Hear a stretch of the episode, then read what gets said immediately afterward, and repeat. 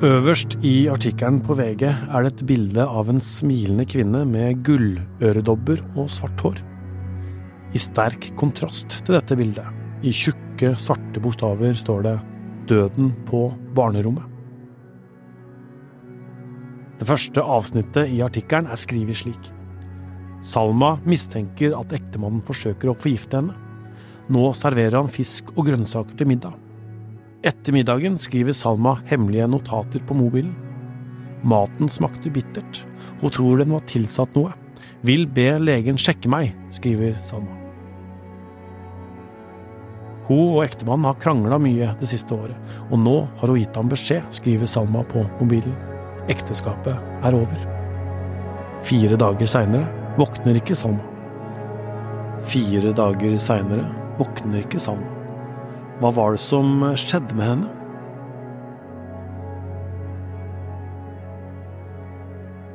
Jeg heter Tor Erling Tømt Ruud, og dette er Krimpodden i VG.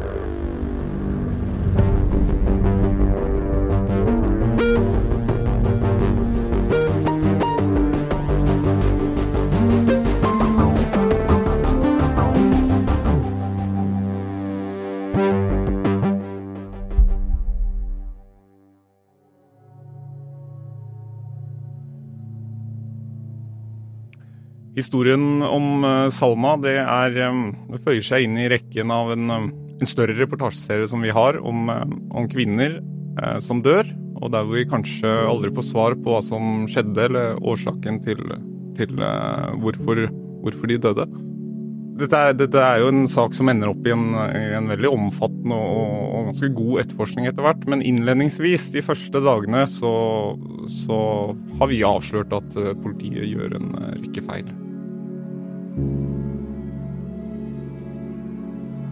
Dette er journalist i VG Bjørnar Tommelstad. Sammen med flere journalister i VG så har han jobba med denne saken i lang tid. Og de har eh, gjennom dette arbeidet pekt på flere ting som politiet ikke gjorde i etterforskningen av Salmas dødsfall. Men før vi kommer dit, Bjørnar, eh, fortell oss hvem var Salma? Vi har kanskje ikke fortalt nok om Salma. Det er jo en veldig lang artikkel, dette her, så man må jo velge ut noe. Men Salma var en, en kvinne som kom fra byen Banglaore i India. Der var hun en del av en uh, større søskenflokk. De var fem stykker, men jeg husker. Uh, hun hadde foreldre som var veldig opptatt av at barna skulle gå på de beste skolene i byen. Og hun, uh, endte, hun endte opp med å utdanne seg til, til dataingeniør. En, på midt midten av 2000-tallet så traff hun um, en norsk mann som, um, som, var i India for, for, å drive business, og produksjonen skulle foregå i India, derfor var han mye i landet. De traff hverandre, og, og etter hvert så giftet de seg. Og de flyttet til Norge og fikk et barn sammen. Uh, de bosatte seg da i, i Bergen. Ok. Um, de bosetter seg i Bergen, de får barn. Eh, hva er det som skjer etter at eh, hun da blir 42 år og blir funnet død den 25. april i 2017?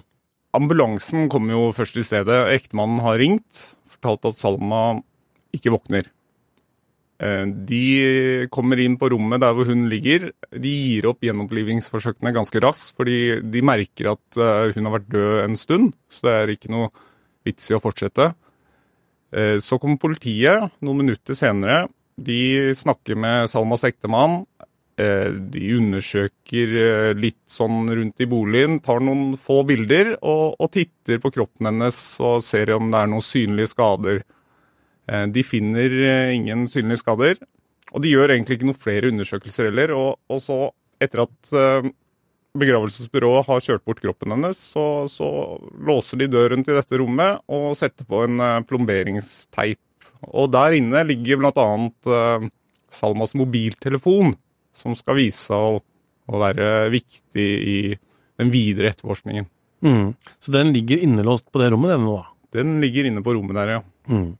Salmas ektemann har jo da hele tiden nekta for at han har noe med hennes død å gjøre, men politiet retta en mistanke mot ham, og vi skal komme tilbake til det, og VG har jo flere ganger også forsøkt å komme i kontakt med denne mannen. Men hva forteller han eh, til politiet om ekteskapet deres? Ja, han, han beskriver det som et veldig godt samliv. De er eh, hverandres beste venner. De krangler sjelden, har veldig få konflikter. Og ja, egentlig har det veldig bra, da. Men så har jo da dere snakka med familien hennes, som har en litt annen versjon. Hva er den for noe? Ja, for det er særlig, særlig søsteren Kulsum, lillesøsteren til Salma, hun eh, Hun, eh, hun eh, snakket med Salma uken før hun døde, fordi disse søsknene har veldig tett kontakt, selv om de bor forskjellige steder i verden. Og i den samtalen, den siste samtalen med Salma, så forteller Salma at hun ønsker å skille seg. Hun vil ut av ekteskapet med mannen sin. Det har vært konflikter om økonomi, eh, og så er det særlig dette at ektemannen ikke er i jobb som plager henne. Og hun beskriver også hans temperament da, som noe som hun tenker på. Og så får jo da eh, denne søsteren beskjed om at hun, eh, Salma var død. Hva gjør søsteren da? Nei, det, det, Ektemannen ringer jo til Gulsum eh, samme dag som Salma blir funnet død. Og hun får beskjed om at ja, søsteren din våkna ikke i morges. Eh, og de snakker sammen flere ganger i løpet av den dagen. Og med tanke på den samtalen hun hadde hatt da med Salma uken før, og disse samtalene med ektemannen, så, så vokser en slags mistanke hos Kulsum. Hun kontakter uh, norsk politi og forteller at hun har informasjon som hun mener er viktig for uh, at politiet får vite. Uh, og hun er også veldig opptatt av å få gjennomført en grundig obduksjon av Salma for å på en måte utelukke ja, det har skjedd noe som ikke skal ha skjedd. Hvor er det hun, uh, søsteren befinner seg? Hun er i Qatar uh, og jobber uh, i Al Jazeera English News. Så hun er en journalist, og sånn jeg forstår det, ganske kjent journalist i, i den delen av verden. da. Mm, så hun tar kontakt med bergenspolitiet sjøl, da? Hun har en svensk, i dag ektemann, som, som, ringer for henne. Men de, de er sammen om det. Altså, når han snakker svensk, er det lettere for norsk politi å forstå hva hva de ønsker å, å, å fortelle. Så, og de blir jo lova at, uh, at, politiet skal ringe uh, tilbake, og venter jo på en slik telefonsamtale. Men politiet i Bergen ringer ikke tilbake. Hun sender også en mail til det indiske konsulatet i Bergen om at hun har viktig informasjon om saken. Hva kunne politiet fått vite hvis de hadde ringt henne tilbake? da?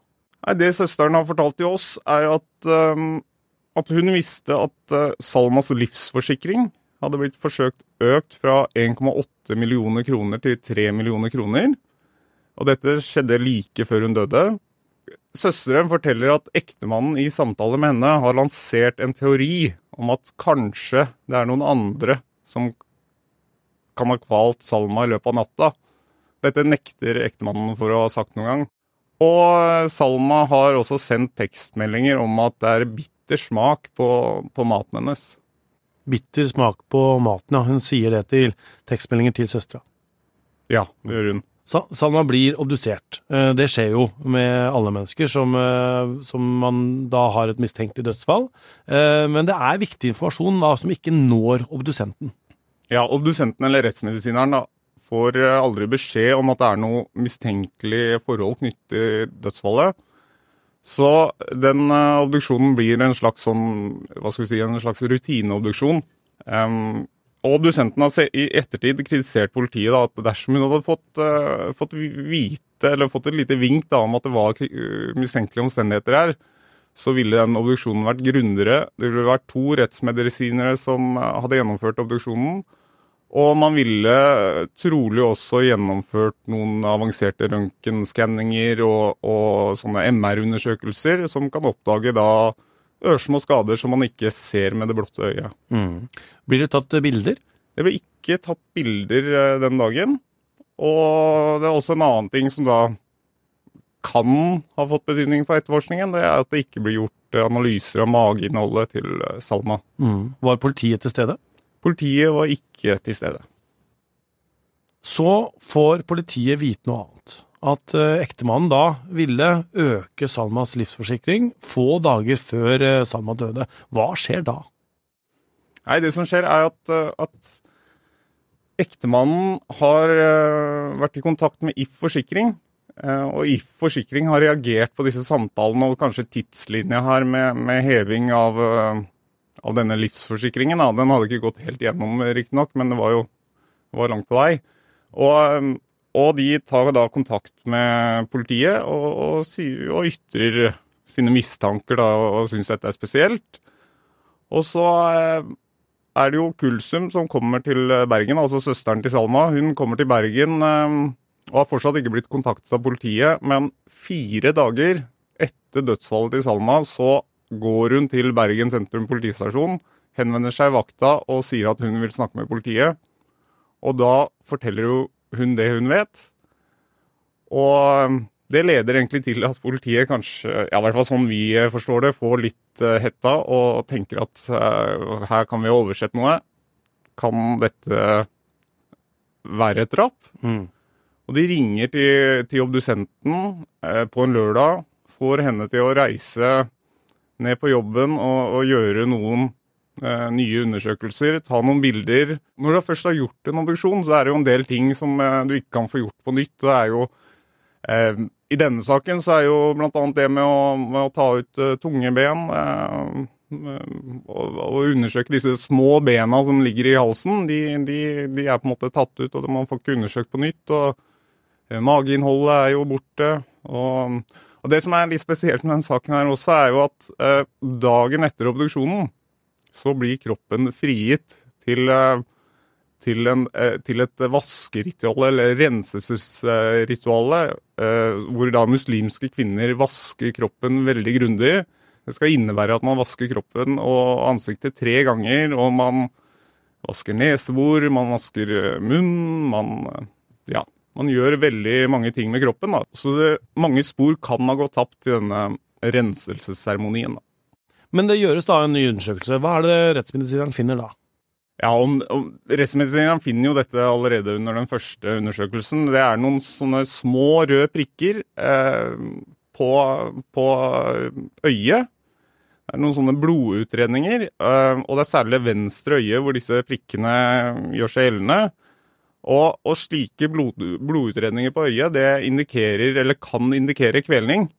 Dersom, særlig dersom hvis man ikke finner noen helt andre åpenbare dødsårsaker. Og det gjør man jo ikke i denne saken uh, sånn umiddelbart. Mm.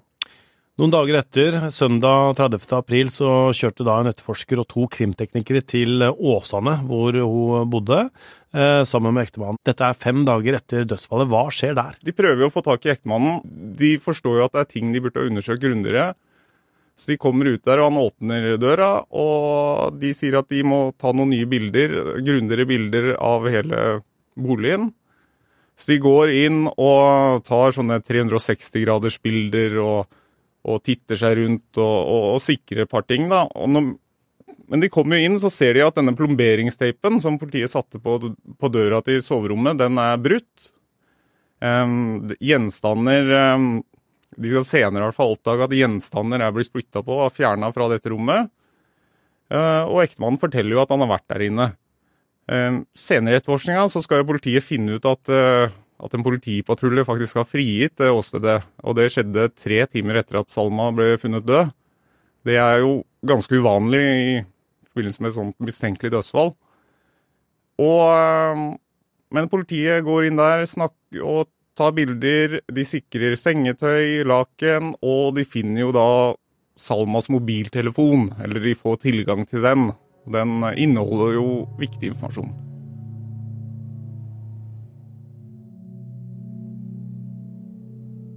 Etter hvert så finner politiet også ut at det mangler en pute på det rommet Salmar ble funnet. Denne puta finner de aldri.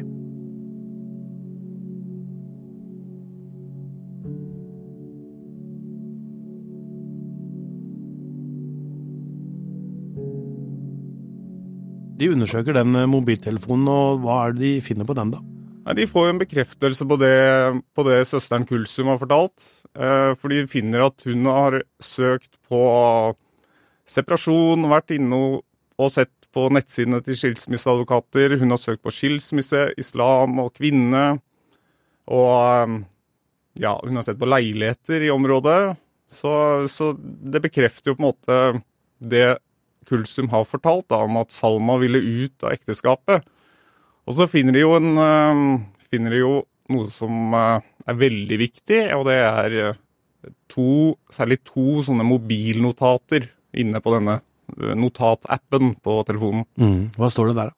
Det står at Det er jo Salma Man går ut fra at Salma har skrevet dette, for det er på hennes mobil. Det står at hun har fortalt ektemannen sin at hun vil skille seg. Det står også at de har kranglet en del de siste, det siste året. Og det står at hun hadde fått uh, laks og grønnsaker til middag.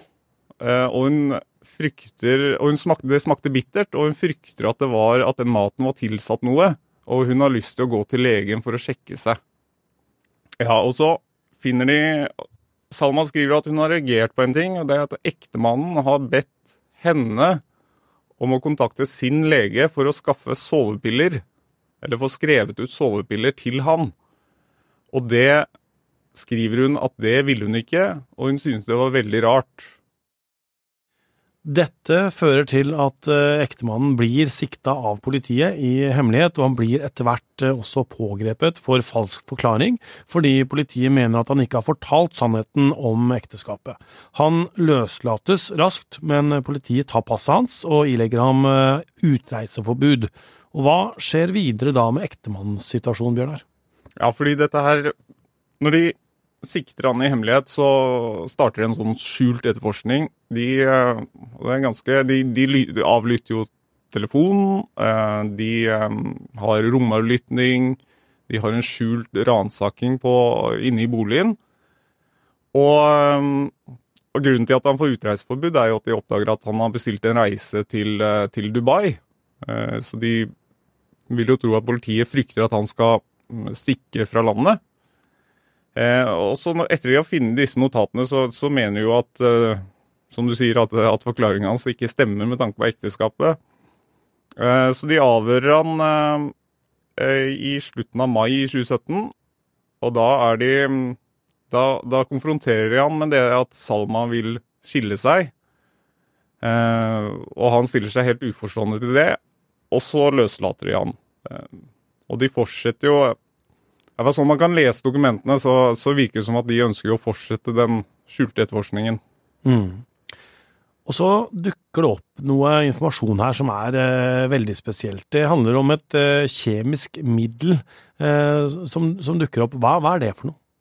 Jo, det, det, det er noe som heter bariumacetat. Men eh, for det som skjer videre her, er jo at politiet får svar på noen blodprøver som er tatt av Salma. Og der finner de at virkestoffet fra fra mm, sovemedisin, det finnes i blodet hennes.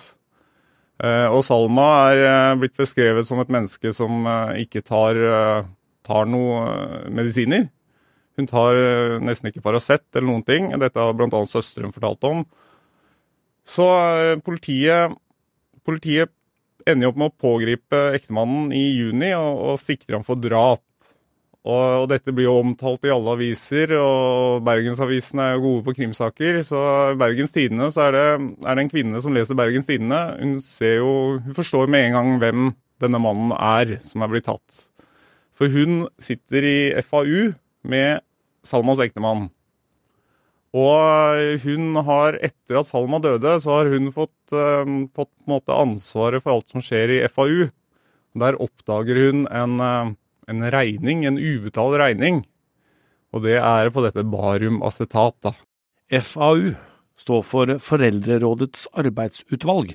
Dette er en gruppe med foreldre som blir valgt inn for å samarbeide med skolene, og som gjennom dette har mulighet til å påvirke barnas skolehverdag. Tilfeldigvis eh, så er denne kvinnen kjemiker, og hun vet jo at dette er et eh, livsfarlig stoff. Det er vanskelig å oppdage Dette her forteller hun i avhør, at det er vanskelig å oppdage uh, under obduksjoner. Det er vanskelig å påvise. Du må, ha, du må liksom vite hva du leter etter. Og, og hun, uh, hun, har på en måte drevet sin egen lille etterforskning da, opp mot bariumacetat. Mm. Og politiet de undersøker dette her, og, og, går jo da til skolen også for å se hva, hva, som, hva som finnes av dette stoffet? Ja, fordi dette stoffet har eh, Ektemannen han har jo hatt det hjemme hos seg. Hans forklaring er at, at Salma har drevet med farging av, av T-skjorter, og dette her skulle brukes til, til et sånn tekstilfargingskurs for barna på skolen. Eh, men eh, politiet finner jo Dette er da stoffet er da blitt fraktet tilbake til skolen, så det står inne på et sånt bomberomlager på denne, denne skolen, hvor politiet finner det. Ja, de finner stoffet der, eh, og hva er det de oppdager? Det de, mm, for det første så, så innhenter de jo masse informasjon om hva dette stoffet er. Det er jo, det er jo, det er jo livsfarlig. Bare noen, bare noen, hvis du får i deg et gram eller to, så, så kan du dø. Eh, så de begynner jo å undersøke De gjør undersøkelser rundt dette stoffet for, fordi de kan ikke De henter inn bl.a. en ekspert fra, fra Uppsala universitetet. og, og og, og, prøver å, liksom lære seg om dette stoffet. Så, de jo, og så må de jo ta spesifikke blodprøver da, opp mot, uh, mot bariumacetat. Um, uh, de gir ikke så veldig resultater. Det er litt sånn Det er, det er noen, en liten måling der. Og så tar de også nye undersøkelser da Eller de tar undersøkelser av en såkalt vevsprøve, som er, som er da blanding av milt, nyre og lever. Og Der finner de en noe forhøyet verdi av barium i, i kroppen til Salma. Når de oppdager barium på, eller finner stoffet på skolen, her, så ser de jo eh, at det mangler i forhold til eh, kjøps, eller hva det er for noe. Ja, fordi dette bariumstoffet, det er, det er et sånt uh, det, er et sånt det er et salt, da. Det er et uh, hvitt, hvitt pulver uh, uten lukt, um, som da sendes til Kripos. Er på to sånne plastflasker, sånne grå plastflasker. Og politiet undersøker disse flaskene, for de skal inneholde en halv kilo, eh, begge flaskene i hver. da. Eh, så oppdager de at det mangler 40 gram i den ene flasken. I denne etterforskningen eh, nå, da, som, som jo er veldig grundig, så undersøker de jo hans mobiltelefon også. Hva er det de finner der? De finner flere søk på en sånn vekslingskalkulator, hvor han har um, og, regne, og forsøkte å regne om uh, to millioner norske kroner til uh, bl.a. dollar, pund og, og, indiske rupier, mener jeg. Og uh, dette her gjør han uh, kvelden før hun dør. Og han gjør det også kvelden etter at hun er funnet død. og Det, det, er, det er, ganske mange søk på det. Og de finner også at han har søkt Dette skjer på formiddagen Eh, dagen før Salma blir funnet død. Eh, da har han søkt 'How to get away with a murderer'. Mm. Det er en liten skrivefeil der på engelsk, men uh, dette er blitt søkt da i, i Google. Og disse, Politiet mener jo at disse søkene er forsøkt slettet. Hva gjør politiet med det? Nei, Dette er jo opplysninger som dukker opp i saken på et Liksom etter en, en god stund, da. og da da har ektemannen nektet, og han ville ikke avgjøres noe mer. Og det har han jo rett til. Så de får jo får ikke konfrontert den med disse funnene på mobilen hans.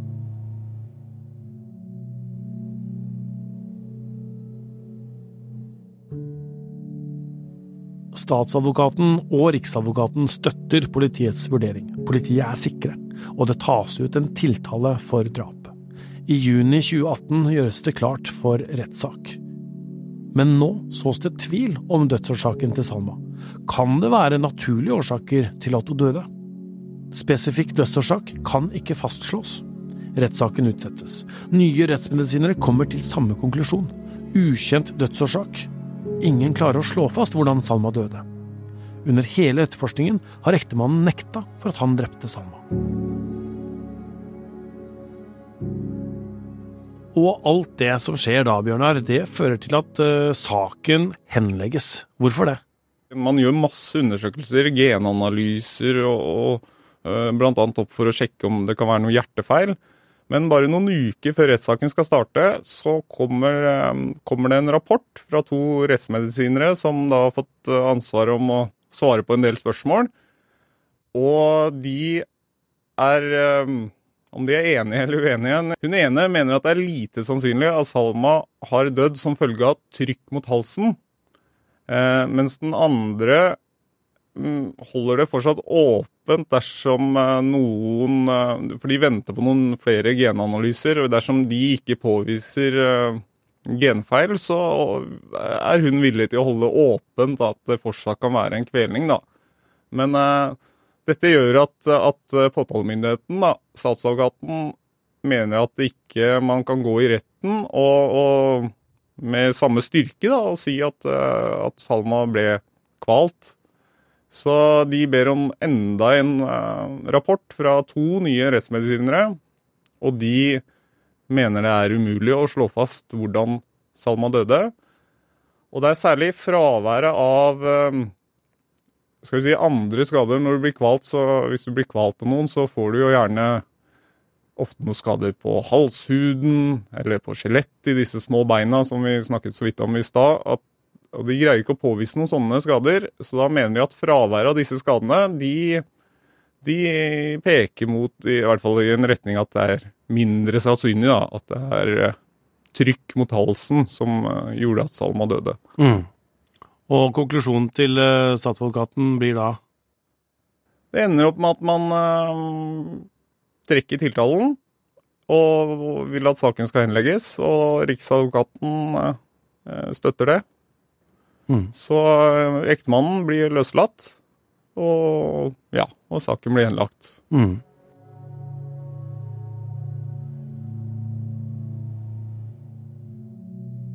Politiet mente at ektemannen hadde et økonomisk motiv, men dette benekter han i det siste avhøret som blir gjennomført. I tillegg har han forklart at saken om livsforsikring ble gjort med samtykke fra Salma. En e-post bekrefter at Salma selv fylte ut helseerklæringen til forsikringsselskapet. Ektemannen har ikke besvart VGs gjentatte henvendelser. Advokaten hans, Reidar Steinsvik, understreker at ektemannen er uskyldig, og at saken mot ham er henlagt.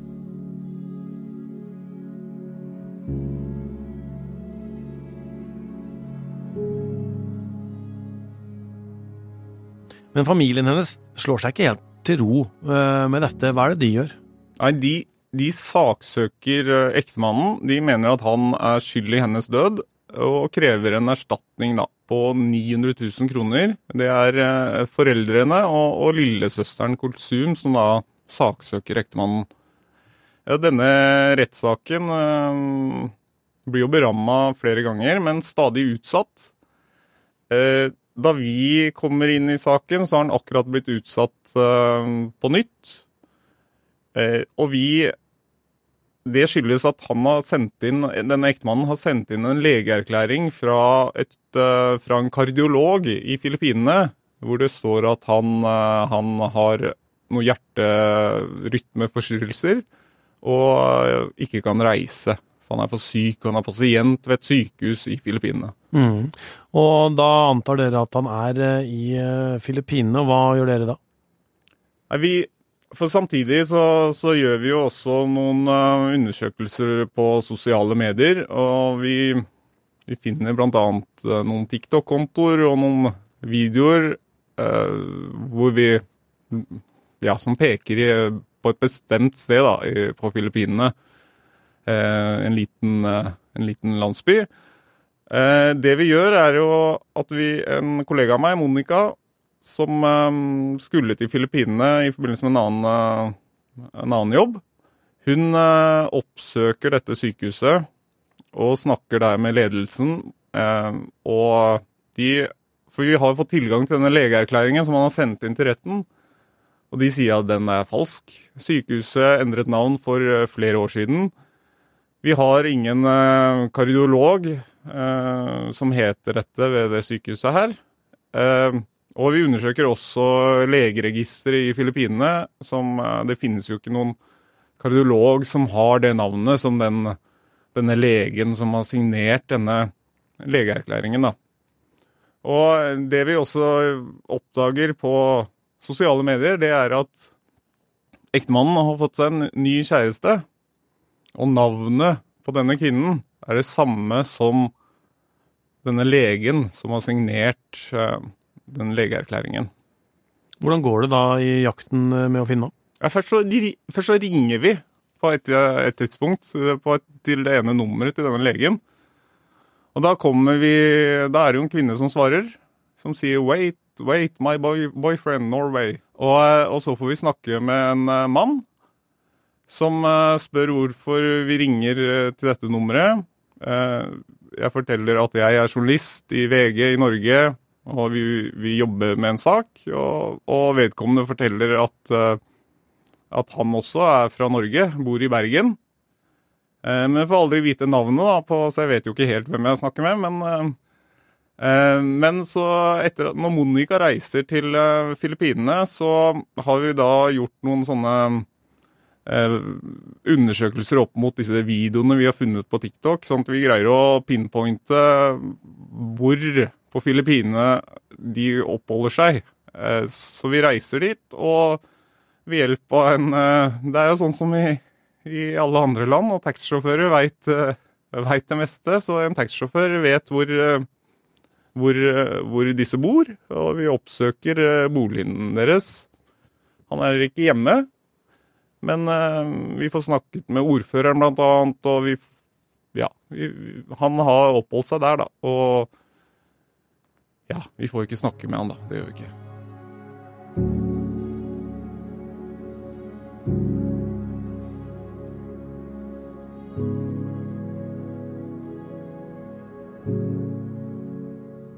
Og så er det jo da et søksmål fra Salmas familie som, som, ligger der. Hva skjer der?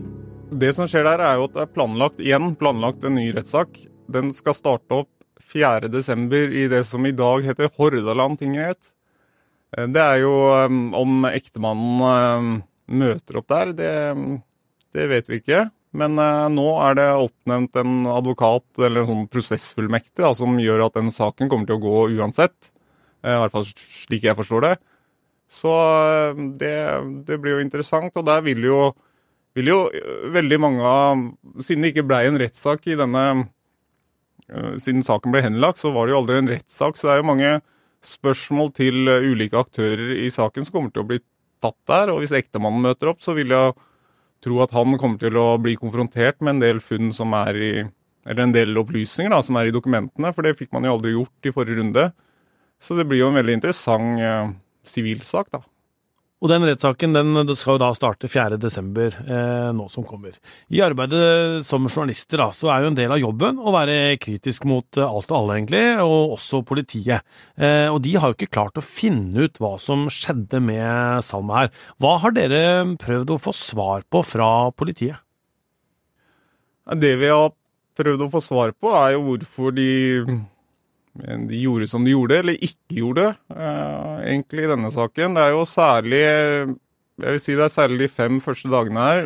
Det går jo fem dager hvor man Det er mange undersøkelser som, som kunne vært gjort ganske raskt, da. Og det er særlig dette med Dette åstedet blir jo frigitt etter tre timer. Uh, den første patruljen, uh, ifølge den uh, Man har jo sånne tiltakskort og sjekklister i politiet om hva man skal gjøre hvis man finner en død person. Da skal man ta gode oversiktsbilder. Det blir aldri gjort. Det blir jo ganske avgjørende i denne saken. Fordi man har ikke kontroll på åstedet slik det er da de finner Salma. Um, denne obduksjonen kunne jo, Rettsmedisineren sier jo rett ut til VG at eh, den kunne ha blitt gjennomført på en grundigere måte. Og man, om man hadde funnet noe mer, det vet vi ikke, men eh, hun, hun kunne i hvert fall gjort grundigere undersøkelser da, som, som, kunne ha ført til, til ja, andre funn, kanskje. Um, og politiet vil jo si det at de ikke ringer tilbake til uh, Salmas lillesøster, som, eh, som, da tar kontakt, er bekymra og, og, forteller at hun har en del informasjon som hun ønsker at politiet skal få vite om.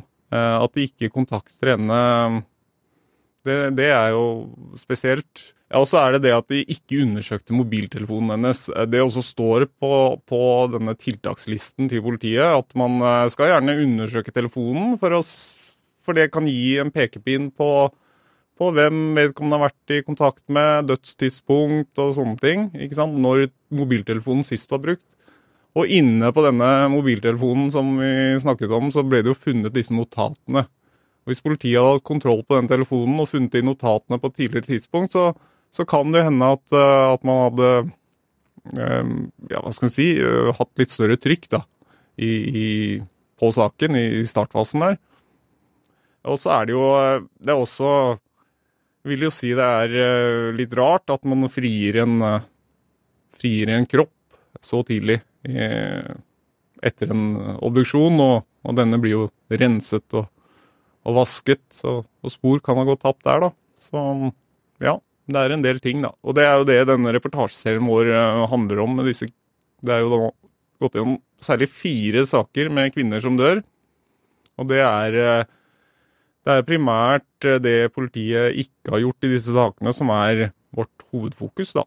Eh, og i, i denne saken med Salma så vet vi jo at det har vært en evaluering, og man har Vi har ikke alle detaljene om den evalueringen, men vi vet at det har vært en evaluering, og det førte til at man man har, eh, har, eh, skjerpet rutinene rundt en del ting eh, i Vest politidistrikt når man finner døde personer.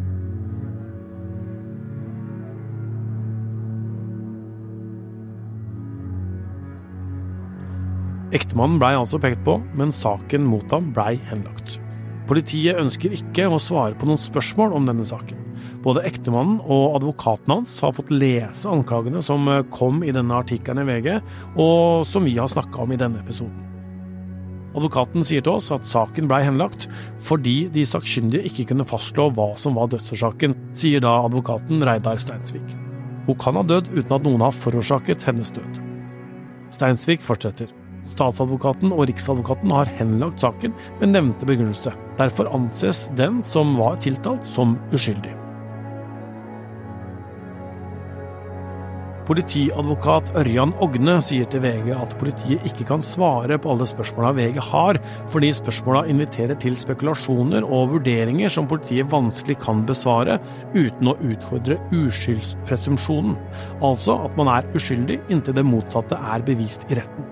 Han sier at politiet må være varsomme, slik at ikke saken blir skeivt framstilt. Førstestatsadvokat Eirik Stolt-Nielsen sier til VG at det er et grunnleggende prinsipp at enhver skal vurderes som uskyldig inntil det motsatte er bevist. Dette gjelder også avdødes ektemann. I denne saken knytter bevistvilen seg direkte til hvorvidt det i det hele tatt er begått en straffbar handling, skriver statsadvokaten til oss. Stolt-Nielsen påpeker at det ikke var noe som pekte på at det hadde skjedd noe straffbart da Salma blei funnet død, og at saken derfor blei behandla som et plutselig uventa dødsfall, og ikke et drap. Han syns det er noen ting som politiet kunne gjort bedre, eksempel at eh, det skulle vært foretatt bedre fotodokumentasjon, og patruljen på stedet kunne stilt noen flere spørsmål. Han mener at etterforskningen var omfattende og ble gjort med betydelig innsats, men at ektemannen blei sittende for lenge i varetekt, og at belastningen kunne vært korta ned om man hadde grepet etterforskningen av saken annerledes an i starten, og om politiet hadde avklart spørsmål knytta til obduksjonen og mulig dødsårsak tidligere, skriver statsadvokaten til VG. Ja, Øystein, eh, vi hører jo her denne historien om eh, Salma. De har ikke klart å finne ut eh, hvordan hun døde. Statsadvokaten her mener at det er noen svakheter, men sier også at saken blei omfattende etterforska, i hvert fall da etter hvert. En betydelig innsats ble lagt ned i dette her. Hva, hva syns du om politiets innsats i denne saken? Det er jo vanskelig å felle en uh, kategorisk dom uh, over en uh, omfattende politietterforskning her, men jeg merker meg jo at det er uenighet og ulike stemmer i politiet, eller de som jobba med saken i politiet. og det er jo mange omstendigheter her som er spesielle, og det er jo ikke bare denne saken, men flere av de sakene som VG har omtalt de siste ukene, så er det jo grunn til å stille spørsmål ved om man har vurdert ting riktig, og man har gjort uh, alt man kan. Og så anerkjenner vi jo at det er vanskelig og krevende, og at uh, et åsted eller offeret sjøl Det kan være vanskelig å trekke noen sikre konklusjoner ut fra de sporene som fins. Det er mye som kan det kan dukke opp spor og bevis som er vanskelig å sette i en kontekst, vanskelig å hevde med sikkerhet at er Eh, har den og den sammenhengen. Eh, og så er det jo også dette høye beviskravet som vi har snakka om i, i, mange sammenhenger, som, eh, som, jo gjelder og skal gjelde.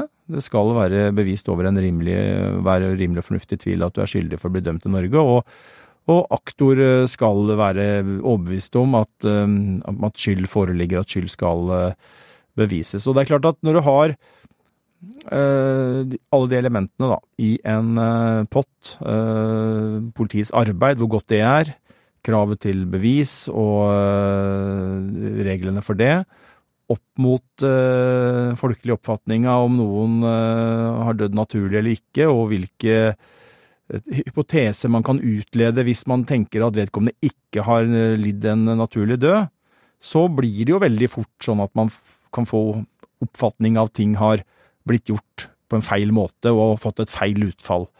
Uh, men, men, men, ja, jeg, jeg, jeg syns jo det er ting som tyder på at den etterforskninga her har uh, mangler og hull, og at man uh, Eh, når det er sånn at det er eh, folk fra Kripos som, som jo rykka ut og sa at, at, de var eh, uenige og kritiske til at saken endte som den gjorde, så, så syns jeg jo det er interessant. Mm. Kripos har jo også en, en liste over saker, uh, drapssaker, som er uoppklarte. Det er en liste der f.eks. Dung Tran Larsen-saken i Bergen er, Per Vollnes-saken fra Nord-Norge også er, men det er også saker som det ikke engang er en død person. Altså, De har ikke funnet de personene som er eh, borte. Og denne saken om Salma står ikke på den lista. Hva tror du er grunnen til det? Det er litt vanskelig å si, og vi har jo spurt uh, påtalemyndigheten om det, og har vel ikke fått noe uh, veldig klart svar. Uh, men det er jo da må være ulike vurderinger. Men i bunn og grunn så må det jo være at man mener, ikke mener at man kan eh, klassifisere at hun er drept, da. Eh, og om det har med å gjøre at hvis det er det, så at det handler om at man trakk tiltalen eh, mot vedkommende som var tiltalt i sin tid, eller hva det er, det, det vet jeg ikke. Men, men, her er det jo, som du sier, Tor Erling, uh, ulike varianter. Uh, jeg tror vel uh, Altså ulike varianter av hvilke saker som kommer inn og kommer ut på, av denne lista.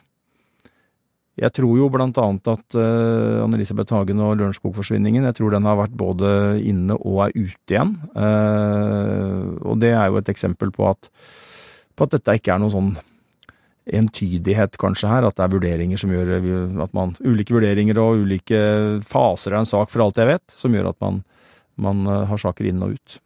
VG har i flere uker og måneder skrevet flere saker om ja, dødsfall uh, som er mistenkelige. Altså, det er noen uklare omstendigheter om det er drap eller ikke. Det er flere kvinner som, som har vært i denne artikkelserien. Og en sånn ja, litt sånn felles for dem er jo at det kan være kvinner som kanskje ikke har et sånt veldig stort nettverk rundt seg, kanskje ikke noen pårørende, eller, altså, eller folk som på en måte ja, støtter veldig inn. Flere har også utenlandsk bakgrunn. Hva sier det deg? Nei, jeg tror jo det at øh, å ha ressurser i ryggen, øh, og da snakker jeg om ressurser i form av øh, advokat, støttegruppe, familie, som er taleføre, uredde, pågående, og, og, og, klarer å på en måte sette trykk på en sak, det er aldri noen ulempe. nå er jo ikke det saker av, av samme kategori, men man kan jo stille seg spørsmål om hva som hadde skjedd med Viggo Kristiansens sak, eh, eller fetteren til Birgitte Tengs sin sak, hvis de to nevnte mennene der ikke hadde eh, det samme apparatet og det samme støtten bak seg som de har hatt. Men er det ikke litt feil at det skal være sånn at du må ha masse støtte i ryggen for å på en måte finne en sannhet? Jo, det kan du si. Eh, og det skal jo være likhet for loven. Og noen bruker uttrykket klassejus, og det vil vi jo ikke vedkjenne oss at fins. Eh, men, det er klart, samtidig så er jo Vi lever jo ikke i et vakuum, og det handler om utafor krimens verden nå, ikke sant. Hvis det er saker, temaer, eh, grupperinger i samfunnet som, som eh, en, lykkes med en strategi om å få oppmerksomhet rundt noe, eller fremme sitt syn på en, på en liksom, eh, gjennombruddskraftig måte, så, så, får man jo lettere synlighet, og kanskje også lettere gjennomslag enn de som uh, går en annen vei og prøver en annen strategi, eller ikke har noen strategi i det hele tatt. Så det, Det der er, eh, det kan man like eller mislike, men det å ha sterke stemmer, i, enten være det selv eller ha noen da med seg, det er uh, mulig at det kan påvirke både i saker utafor krimmens verden, men vi kan heller ikke utelukke at det kan gjøre det innenfor det systemet. Saken mot ektemannen til eh, Salma, i, som vi snakker om nå, ble henlagt. Og, og, folk er jo uskyldige inntil det motsatte er bevist. Det er et prinsipp som eh, vi er enige om. Det er det. Hvorfor, og... hvorfor snakker vi så mye om han da, og peker på det som liksom tyder på at politiet har gjort feil, osv.? Nei, det er en krevende øvelse, det. Eh, fordi at eh, uskyldspresumpsjonen står sterkt, og, eh, og, vi i pressen har også regler vi må forholde oss til eh, i forhold til å, eh, det å kaste beskyldninger urettmessig mot noen. Samtidig så er det jo sånn at disse sakene er vanskelige å gå inn i og omtale om man ikke forteller og presenterer hele bildet. Og da blir jo det en balansegang, en krevende balansegang, hvor man må publisere opplysninger som peker i retning av noen i, i noen av disse sakene, fordi at Og det, det, følger jo av at eh, den som er død, eh, og eventuelt er drept, eh, så er omstendighetene sånn at man hvis det er et drap, så, så leter man ikke etter et liksom, knippe med det er, ikke, det er, ikke, mange ukjente kandidater og en liksom, etterforskning i den retning man ser for seg. Da er det noen av disse sakene av omstendigheter hvor det peker i en bestemt retning. Uh, og hvis vi da skal omtale og, og, drive systemkritikk på det området her, så kommer vi ikke utenom å måtte uh, presentere hele bildet. Uh, for det vil jo også kunne handle om politiets arbeid, annet i forhold til avhør eller ikke avhør av den som pila peker mot i den enkelte sak.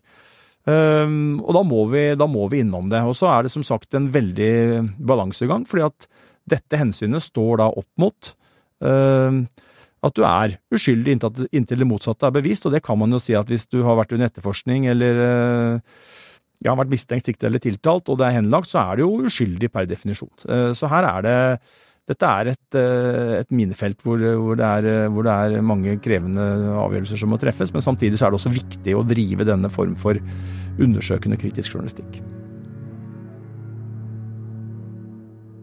Historien om eh, Salma som blei funnet død på barnerommet, er laga av VG og journalistene Bjørnar Tommelstad, Gordon Andersen, Ådne Husby Sandnes, Mona Grivi Nordmann, Monica Flatabø, fotograf Jørgen Bråstad, fotograf Tore Kristiansen og designa av Jonas Nilsson. Produsent Vilde Worren har laga denne episoden. Hanna Espevik og Ruth Einevold Nilsen jobber også sammen med Øystein Millie og meg i Krimpodden. Jeg heter Tor Erling Tømt Ruud, og nyhetssjef er Emilie Halltorp. Neste mandag får du høre noe spennende i vår episode som er på Podme, eller du kan eh, høre på den hvis du har VG pluss-abonnement. Hør på det her.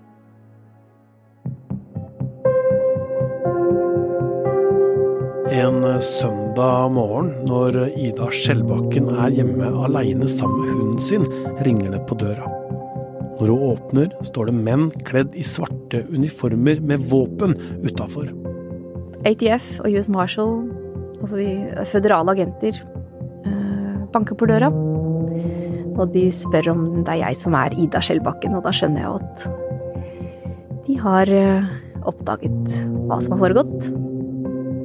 Ida blir tatt med inn i en bil og kjørt til en gigantisk grå betongkloss nede i byen i Miami, som hun alltid har lurt på hva er. En eh, enorm skyskraper med bitte små vinduer.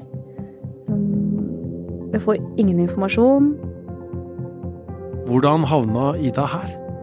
Hør miniserien 'Idas forbrytelse' i Podmy eller via VG+.